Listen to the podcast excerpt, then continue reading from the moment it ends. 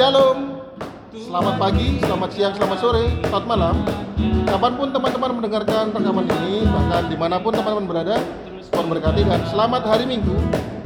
Hari ini kami akan menyampaikan materi untuk IHMPT pada Minggu 6 September 2020 dengan judul pelajaran Layanilah Tuhan Anakku. Stay tune.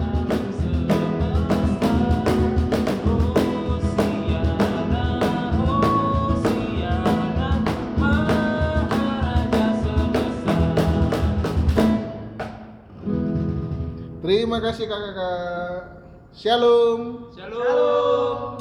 Oke teman-teman, sebelum kita eh, bicara tentang materi hari ini, dipersiapkan dulu Alkitabnya.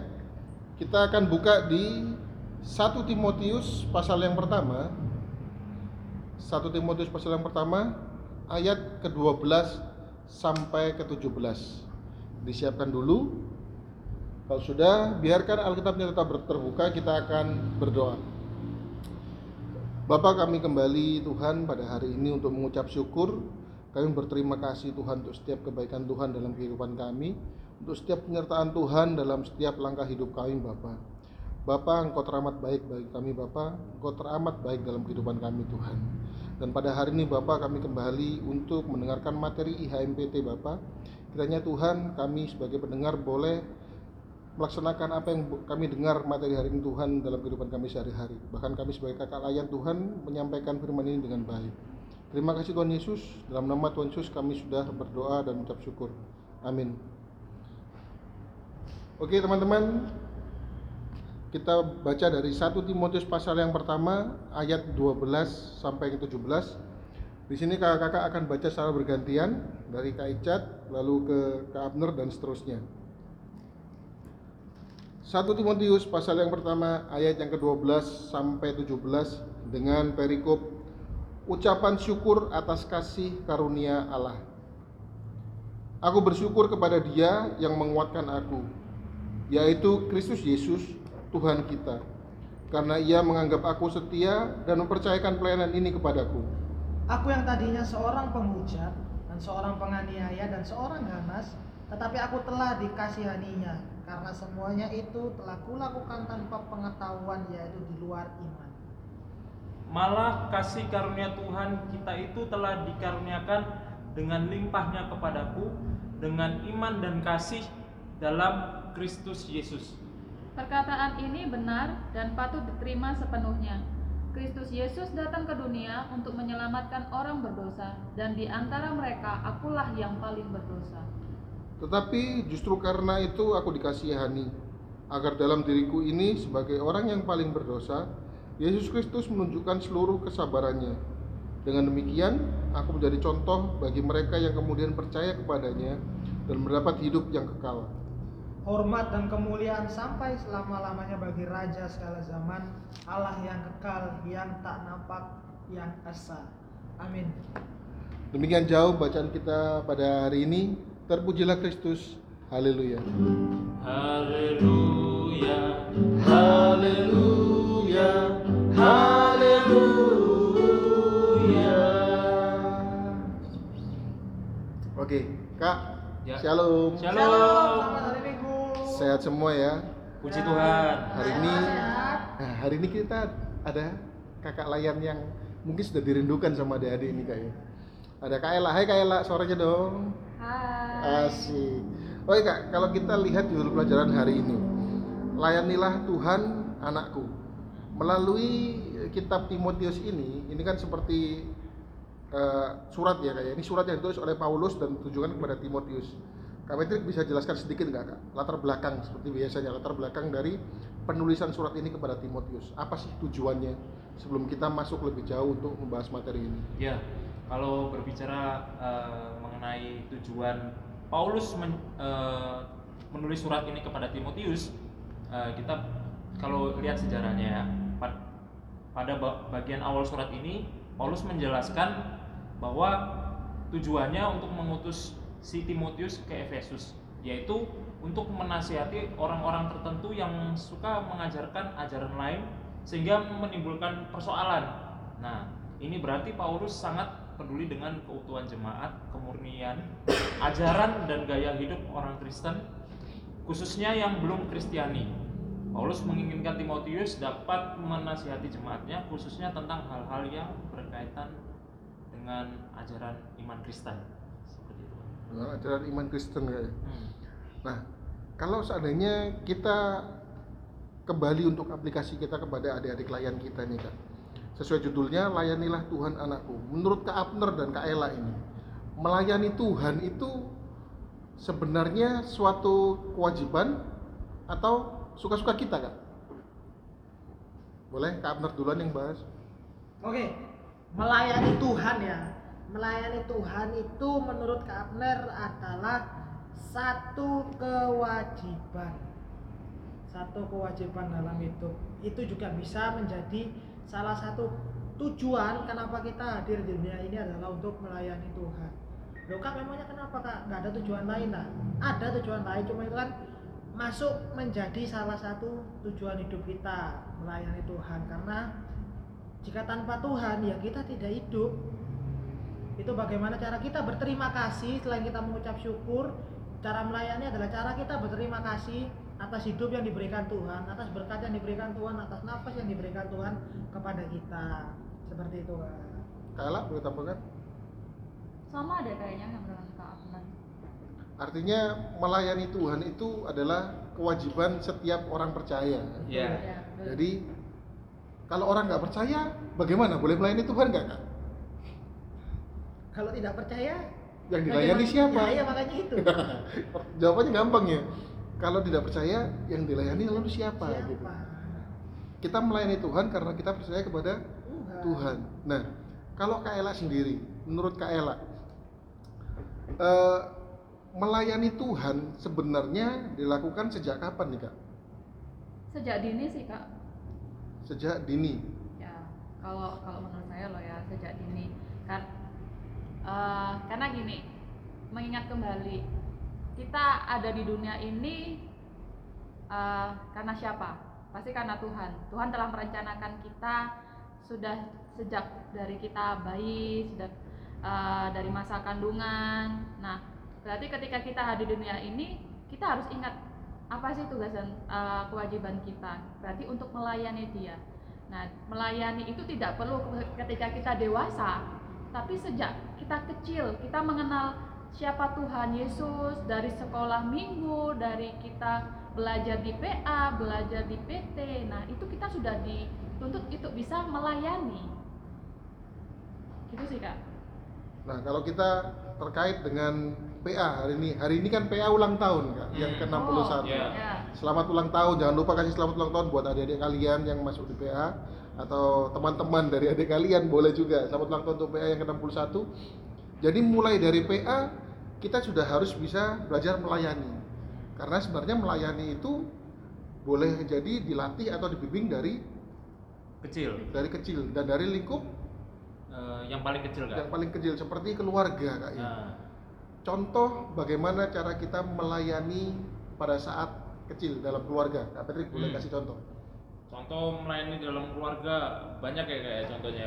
Kalau salah boleh disebutkan salah satunya adalah ketika eh, eh, mama minta pertolongan misalkan kita membantu itu salah satu wujud melayani terus eh, membersihkan rumah eh, nyapu ngepel itu juga salah satu bentuk contoh kita melayani eh, di rumah dan banyak lagi kan Kalau ada yang tanya gini kak, lu kak katanya melayani Tuhan, Hmm. tapi kok membantu mama menyapu termasuk melayani Tuhan? Bagaimana nih pandangannya kak? Hmm, kalau ada yang tanya gitu, ya kita harus eh, bagaimana kita eh, bisa membuktikan bahwa kita mengasihi Tuhan, tapi kita tidak peduli kepada ada yang di sekitar kita. Dewasa ini kan banyak kayak aku Ya. mau pelayanan di gereja gini-gini, Hmm, tapi di rumah berantakan, di rumah tidak menjadi anak yang baik. hmm, Artinya sama saja bohong kak ya? iya, Lalu untuk Kaela, contoh lain kalau usia adik-adik kita PT ini kak, Eh, adik-adik PT kan sudah mulai belajar melayani, belajar melayani dari mulai bermain musik dan lain-lain. Apakah melayani itu perlu yang namanya bimbingan? Atau melayani itu oh ya suka-sukanya dia dia mau melayani yang melayani. Dia tidak mau ya sudah begitu. Menurut Kaila bagaimana? Kalau menurut saya ya, eh, segala sesuatu kan pasti butuh ada guide. guide Ya. dalam- guide guide Guide, guide, oke. Agar apa? Agar semua itu tertata, tidak sesuka hati kita. Jadi kalau kita melayani, pasti kita kalau ada yang eh, menuntun, pasti kan semua tertata dengan baik. Tapi kalau misalnya tidak ada yang menuntun kita atau yang guide kita, pasti sesuka hati kita. Ah, hari ini aku melayani, besok lupa. Ah, aku mau ini, ah sesuka. Ya istilahnya sesuka hati kita sih ya kak. Tapi kalau misalnya ada yang mau menuntun kita, selalu mengingatkan kita, kamu punya talenta ini, kamu bisa untuk melayani di sini. Itu kan malah tambah menjadi motivasi buat kita. Kayak gitu sih kalau pemikiran dari kalau dari saya ya, kita butuh yang namanya guide. Jadi apa pun talentamu, apa pun eh, kamu dalam bentuk apa pun dalam melayani, tetap kita perlu yang namanya guide.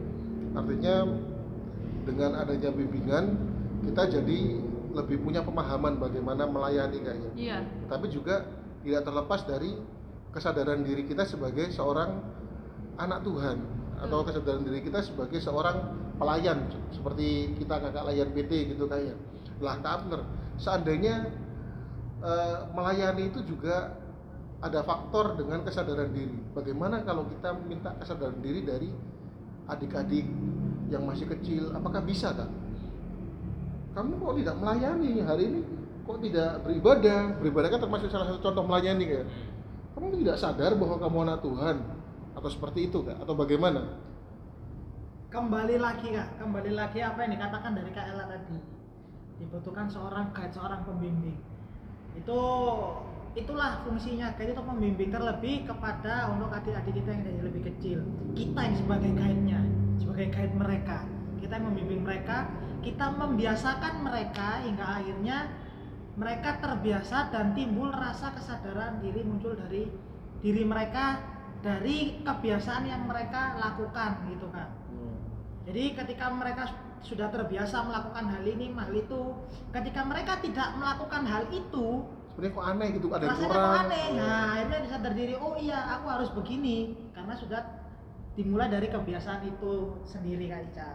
berarti poinnya adalah dari kecil kita memang dibiasakan oleh orang tua untuk beribadah Betul. dari kecil kita dibiasakan oleh orang tua untuk berdoa pada Berdoa. Tuhan sebelum makan berdoa ada yang dari kecil tidak pernah diajar gitu kakak-kakak Kak Ella? selalu diajar. Selalu diajari. Karena itu terbentuk dari lingkup kecil yang namanya keluarga Keluarga. Kak, jadi ketika dari kecil kita dibiasakan untuk mengingat bahwa iya hari ini harusnya saya ibadah atau sebelum makan saya berdoa sebelum tidur saya berdoa itu akan terbiasa hingga kita punya kesadaran diri untuk melakukan ke depannya tiap-tiap hari begitu kak ya betul. nah untuk kak Patrick Ya. adik-adik layan kita ini kak kita ngomongin adik-adik layan kita ini menurut kakak adik-adik layan kita eh, sebelum pandemi ini ketika kita masih sering kumpul kesadaran diri mereka untuk melayani itu bagaimana kak Ya, kesadaran diri mereka untuk melayani kalau selama ini yang kakak pantau itu udah cukup baik kan.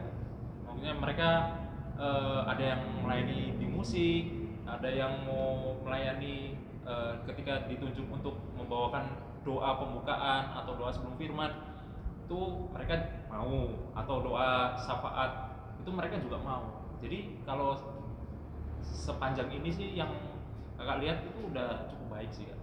dari mulai dibimbing sampai akhirnya mereka mengajukan diri kak saya mau kak kak Iya. saya mau artinya bimbingan yang tadi kak Ella bicarakan ini juga penting kak ya Iya. bahkan kita sebagai kakak layan juga tidak boleh melepas bimbingan kepada mereka bagaimana mereka untuk belajar melayani karena itu kita juga harus jadi contoh yang baik buat mereka dong kak. Iya. nah sekarang kayak tanya juga buat tiga kakak semua ini. Apa sih yang menghalangi setiap anak Tuhan? Artinya kita bicara usianya PA PTGP lah. Hmm. anak-anak Tuhan yang usia seperti itu. Apa yang menghalangi mereka untuk mereka tidak mau melayani?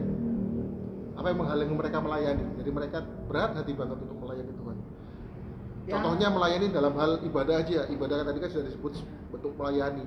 Berdoa kan juga ucapan syukur bentuk melayani. Apa yang jadi ini halangan? Kak Abner boleh duluan?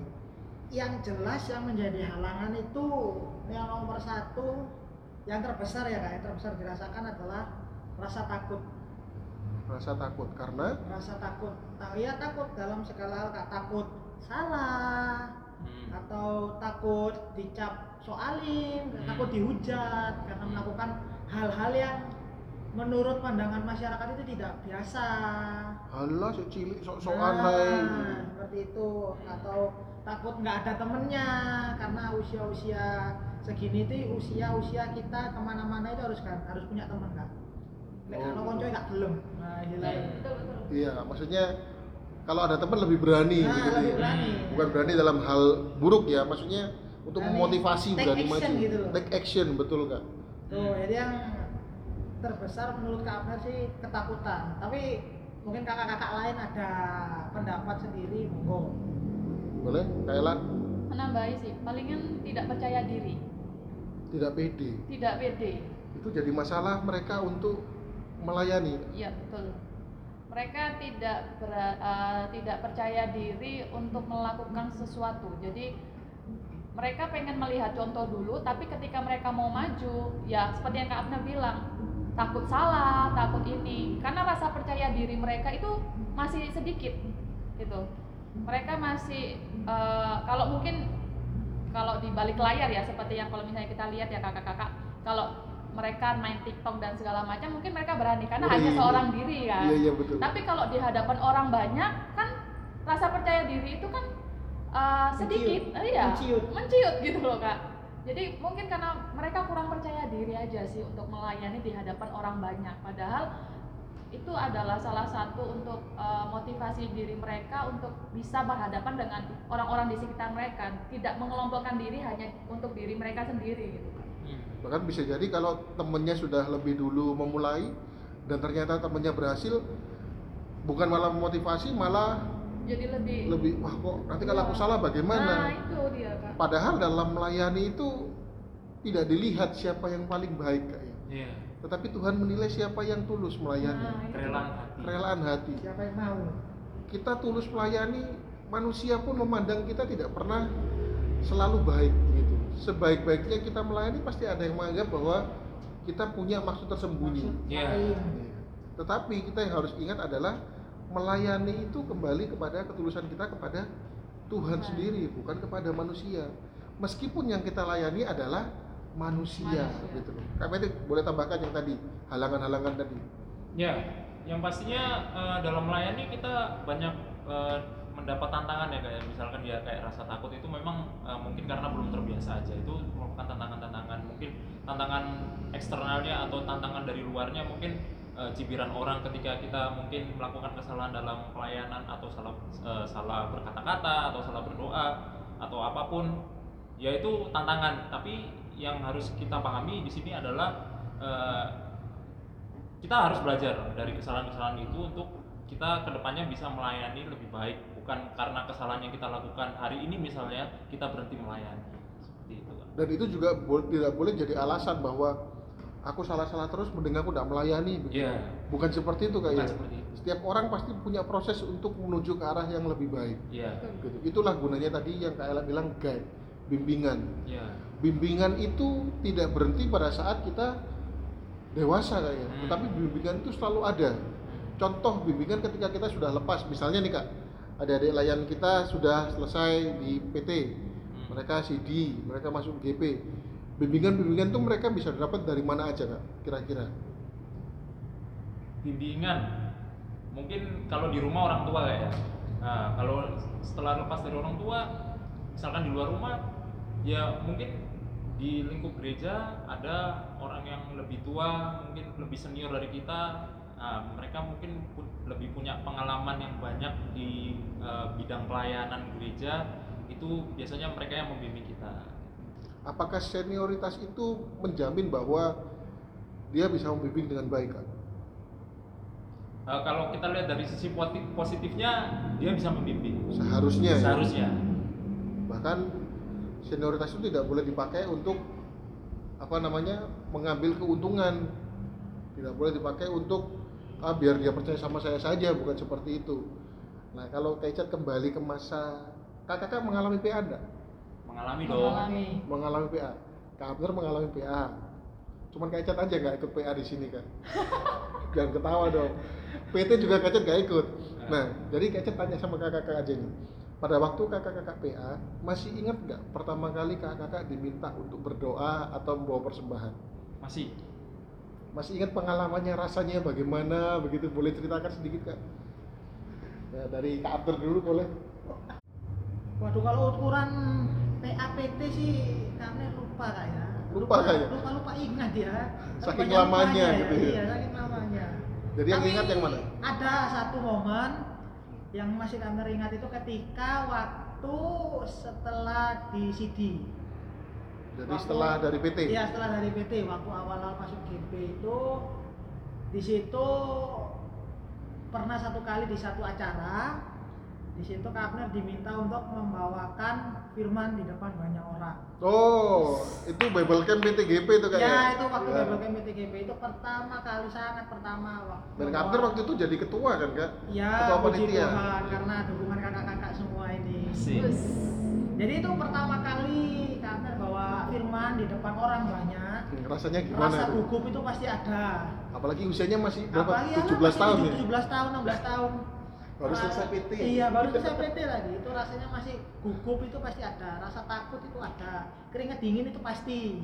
Iya. Apalagi dilihat sama yang apa diaken-diaken yang ikut Ada majelis-majelisnya, majelis yang iya. ikut jadi kalian bayangkan salah-salah ngomong ini bahaya ini kan jadi seperti itu sih kak jadi namun kak Abner yakin dalam nama Tuhan Yesus pasti Tuhan membimbing kak Abner Tuhan Amin. membimbing kak Abner dalam setiap perkataan yang keluar dalam Amin. setiap statement yang akan dibicarakan dalam nama Tuhan Yesus tidak salah dan puji Tuhan Lancar. berjalan dengan lancar Puji Tuhan. Puji Tuhan. Nah, kalau contoh yang dari Kak Abner ini kan artinya contoh dari ketika Kak Abner sudah mulai beranjak dewasa. Betul. Artinya sudah belajar tentang bagaimana menyadari bahwa kita ini butuh Tuhan.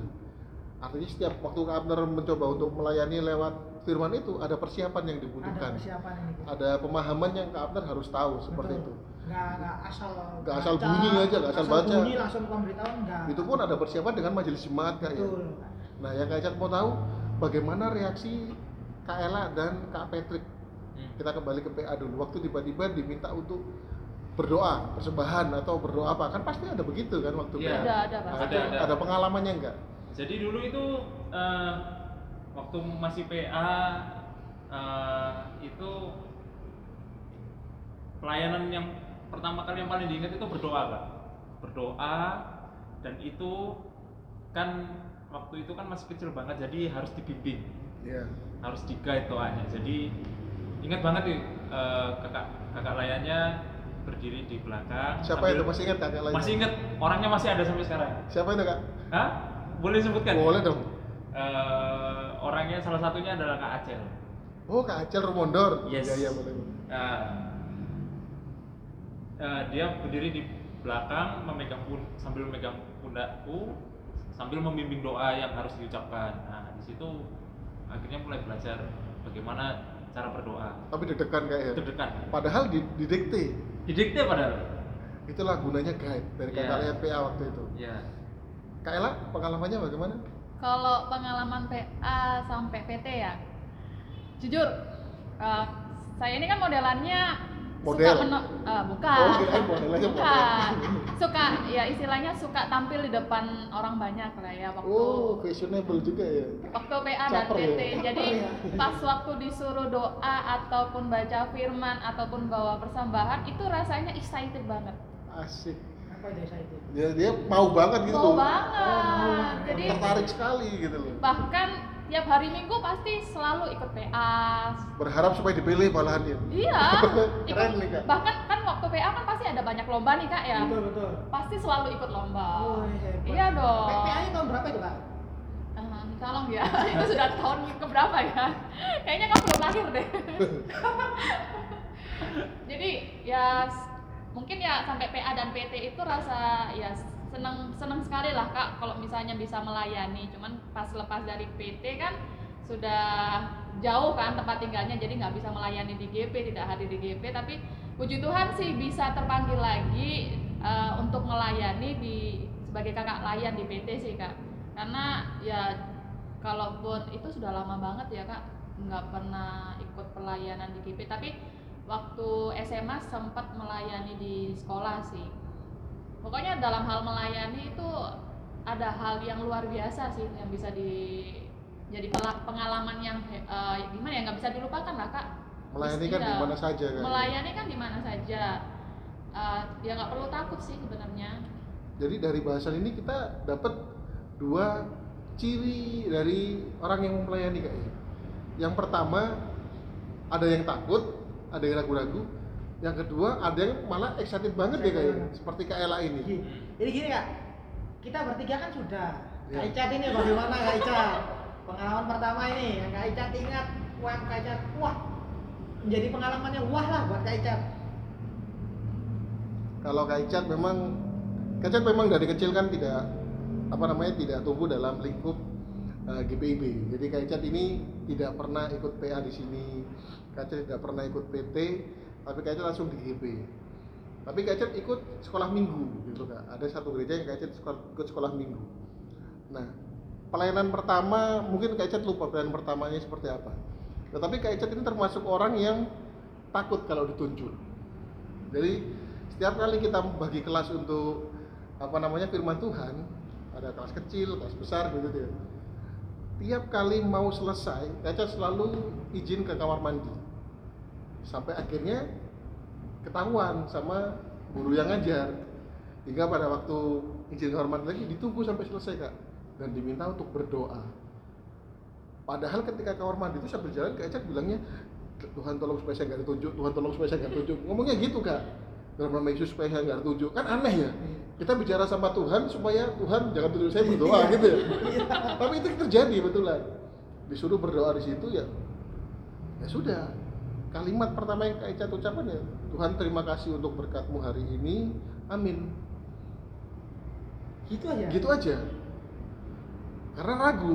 Padahal kalau mau ngomong berdoa itu kan sudah diajari sama orang tua, sudah belajar banyak. Tetapi karena di depan orang itu berbeda dengan kita Berdoa sendiri. berdoa sendiri gitu loh. Ucapan cuma itu aja. Dan yang paling bagus adalah guru yang ngajar pada saat itu bilang begini kak, bagus. Bukan malah diomongin doa kok cuma gitu doang. ya. Seandainya guru ya? yang ngajar bilang doa cuma gitu doang kan metalnya kayaknya jatuh ya kayak. Nah itu pengalamannya kak Icat itu kan. Super sekali pengalamannya Kak Icat. Mario Teguh berarti. Iya, kan? iya. Nah itu masih ingat kak Icat. Tapi untuk teman-teman semua dari pelajaran hari ini kan kita bisa ambil. Kak Ella sudah kasih tunjuk bahwa eh, excited untuk ikut melayani. Terlepas dari Kak Ella memang seneng banget tampil gitu loh ya. Caper ya. ya beda lah Oh beda. Capernya sama Tuhan kan Betul. boleh ya. Iya, capernya sama Tuhan. Tuh. Artinya ada beberapa yang bisa kita petik gitu loh. Kalau teman-teman masih merasa ragu seperti Kak Icat, Kak Patrick, Kak Abner mungkin masih takut meskipun didikte atau ragu meskipun sudah belajar dan seperti Kak Icat takut pada saat itu tiba-tiba langkah yang harus kita jalankan adalah belajar aja, dijalani saja. Dijalani saja. Jangan pernah takut salah. Jangan pernah takut gagal. Kenapa? Ketika kita sudah dipilih untuk melayani, maka Tuhan pasti akan menyertai kita. Betul nggak, Kak? Tidak akan ada orang yang niat melayani Tuhan, tetapi malah Dibiarkan. dibiarkan begitu saja. Mungkin seperti yang Kak Petik sering sampaikan, kita anak-anak Tuhan mungkin tidak akan pernah ada cobaan tapi ujian untuk memantapkan iman kita seperti itu kayaknya. Iya. Artinya dalam proses itu kita juga harus belajar bahwa ada ujian-ujian yang harus kita lewati. Ketakutan tadi hingga akhirnya kita berproses berani menjadi anak Tuhan yang melayani seperti itu. Maka ada tambahan lagi Tambahan sedikit Kak ya. Jadi sedikit tips dari kakak-kakak ini. tips kak kak kak Iya. Dari kakak-kakak. lah. Oh, kakak-kakak. Jangan. Jadi tips dari kakak-kakak ketika kalian takut ingin melakukan sesuatu, ingin menunjukkan bahwa kalian ingin melayani, yang pertama kali harus kalian lakukan adalah berdoa minta bimbingan Tuhan. Agar apa yang kalian lakukan itu seturut dengan kehendaknya. Ya, betul. Dan yang kedua adalah ya lakukan aja, berani, ambil aksi, aksi take action, lakukan. Masalah salah, masalah malu, masalah apa, urusan belakang yang penting maju dulu. Tulus. Penting tulus ya. Yang penting tulus, yang penting maju dulu sudah terabas los wes pokoknya. Tuh sedikit dari kakak-kakak. Tambah dikit ya kak ya. Boleh, boleh, Eh, Kak. Jadi kalau kita mau melayani, balik lagi kita ingat kita ini melayani siapa? Melayani Tuhan kah atau manusia? Kalau kita melayani manusia, kita tidak akan merasa sempurna di hadapan manusia. Tapi kalau kita melayani Tuhan, Tuhan akan menerima kita apa adanya. Tuhan tidak melihat kita ini sempurna atau tidak. Ketika kita mau berdoa pun, kita ini berbicara dengan Tuhan. Sebagus kata-katamu apa pun itu, kamu berdoa ya anggaplah kamu sedang bercerita, ber- eh, curhat dengan Tuhan. Tidak perlu itu kata-kata yang bagus, yang harus kamu tulis, yang puitis lah dan segala macam. Enggak. Jadi ungkapan apa yang ada di hatimu itu yang eh, yang bisa kamu sampaikan kepada Tuhan. Jadi nggak perlu yang perfect lah ya. Manusia tidak ada yang sempurna, yang sempurna adalah Tuhan. Itu aja sih kak. Kalau kita doa harus swap kata-katanya bagus semua, berarti kita semua pujangga. Iya betul. Merangkai kata semua dong. Betul, betul. Betul. Tapi kan Iya. kita anak Tuhan. Sempurna hanyalah milik Andra the Backbone. Itu lagu kak. Oh iya. Ya, tapi juga milik Damien. Sempurna. Magic. itu anak ya, guyon aja. Oke, KPT tidak tambahan? Cukup nggak? Cukup. Dan jangan lupa seperti yang kakak sering sampaikan melayani semampumu, bukan Semau. semaumu. Oke. Uh, kita akan tutup untuk materi hari ini satu lagu dari mana kak? Kita bakti 46. Tuhan Yesus sungguh sayang.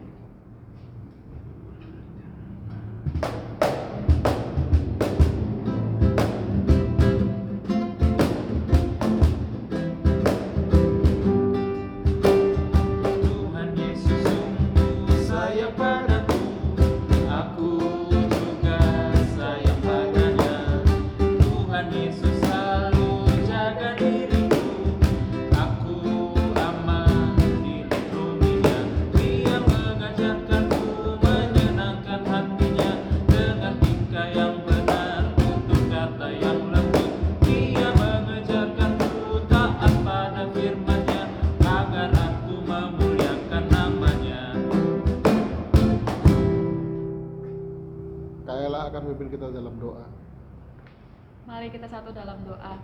Yalah Bapa yang dari surga, kami bersyukur dan berterima kasih Tuhan ketika pada hari ini kami boleh mendengar sebagian dari firman-Mu Tuhan. Kami boleh belajar bagaimana kami seharusnya melayani Tuhan, bukan ketika kami dewasa, bukan ketika kami eh, siap Tuhan, tapi ketika kami dibentuk, kami eh, menyadari kami ini milik kepunyaanmu Tuhan. Kami percaya bahwa setiap hal ketika kami dipanggil maka kami akan bersiap untuk melayani. Mampukanlah kami Tuhan untuk melayani di mana pun Engkau tempatkan kami baik di keluarga, di sekolah, di lingkungan sekitar kami di rumah maupun di mana pun Tuhan untuk tetap melayanimu. Bukan eh, untuk menyenangkan hati manusia ataupun untuk menyenangkan orang lain Tuhan tapi untuk memuliakanmu. Biarlah ketika kami belajar Tuhan Engkau yang memimpin kami biarlah Engkau yang selalu menuntun kami untuk menjadi anak-anak yang mau melayanimu sejak dini Tuhan. Tuhan terima kasih Tuhan untuk hari-hari yang boleh kami jalani Tuhan. Kami akan menjalani seminggu ke depan ya Bapak tuntun kami dalam setiap aktivitas kegiatan-kegiatan kami di mana pun kami berada Bapak ketika kami sudah memasuki masa-masa sekolah walaupun melalui online Tuhan secara daring ya Bapak. Namun biarlah kami tetap boleh belajar menjadi siswa-siswi yang terbaik ya Bapak. Pimpin setiap orang tua kami di mana pun mereka berada dalam setiap pekerjaan dan usaha mereka. Jerih payah mereka untuk masa depan kami anak-anaknya. Berkati juga bangsa dan negara. Kami Tuhan dalam situasi kondisi saat ini yaitu dalam eh, adanya pandemi ini Tuhan. Tuhan mau menguatkan setiap umatmu Bapa terkhusus untuk bangsa Indonesia ini Bapa. Untuk siap menghadapi pandemi ini semakin kuat dan semakin yakin bahwa setiap hal pasti akan berlalu, pasti akan ada eh, jalan keluar Tuhan. Dan itu semua kami menantikan tangan penyertaan-Mu. Berkati juga gereja kami, terkhusus gereja peniel ini. Kami rindu Tuhan untuk bisa beribadah bersama-sama, terkhusus dalam IHMPT Tuhan. Biarlah segala sesuatu eh, boleh terjadi di dalammu ya Tuhan. Kami boleh berkumpul bersama dalam IHMPT. Dan biarlah kami boleh bersama-sama beribadah, memuji dan memuliakan Engkau. Bapak berkati masa depan kami semua Tuhan. Dan hari-hari kami kami letakkan di dalam tanganan pengasihanmu. Terima kasih ya Bapak, inilah doa ungkapan syukur kami yang kami naikkan hanya di dalam nama Tuhan Yesus Kristus, Tuhan dan Juru Selamat kami yang hidup yang telah mengajar kami doa bersama. Bapa kami yang di surga, dikuduskanlah namamu, datanglah kerajaanmu, jadilah kehendakmu di bumi seperti di surga. Berikanlah kami pada hari ini makanan kami yang secukupnya, dan ampunilah kami akan kesalahan kami, seperti kami juga mengampuni orang yang bersalah pada kami. Dan janganlah bawa kami tetapi lepaskanlah kami daripada yang jahat. Karena engkaulah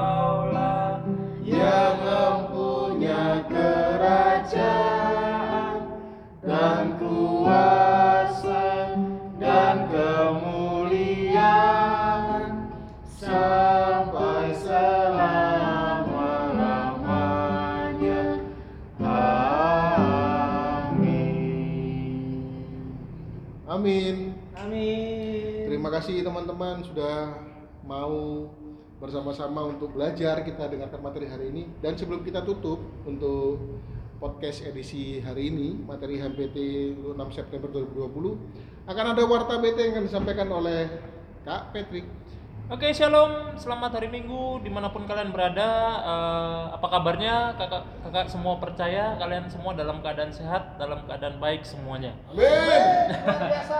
Ya, eh, terima kasih telah bergabung bersama kita semua di podcast ini dan seperti biasa tak bosan-bosannya kakak mengingatkan untuk selalu join minggu depan karena kita akan ada eh, podcast lagi, ada materi lagi yang akan kita berikan setiap minggunya di jam 9 pagi. sampai kita ketemu lagi Ya. Oke dan tentunya kakak-kakak semua berharap kalian dalam keadaan sehat dan tetap menjaga protokol kesehatan di mana pun kalian berada eh, dan tetap menjaga kondisi kalian, tetap menjaga vibe semangat kalian dan menjaga semuanya kak ya. Oh, kalau dijabarkan satu-satu banyak nih. Oh, yang penting banyak yang dijaga gitu Iya. jaga hati jaga perasaan Nah, ya mungkin eh, pengumumannya itu saja. Eh, tetap bersabar ya adik-adik. Mungkin kita sekarang tidak bisa bertemu untuk IAMPT seperti biasa. Kita bertemu lewat udara, lewat eh, internet. Eh, jadi harap bersabar sampai nanti tiba waktunya kita bisa berkumpul kembali. Kita nggak bisa bertemu tapi kita cuma bisa bagi pulsa buat kalian stay tune terus ya di instagramnya PT Asik. Oke, s- eh, sampai di situ saja. Eh, Tuhan Yesus memberkati. Oke, kita akan akhiri materi HMPT pada hari ini. Kita akan menyanyi Mars PT.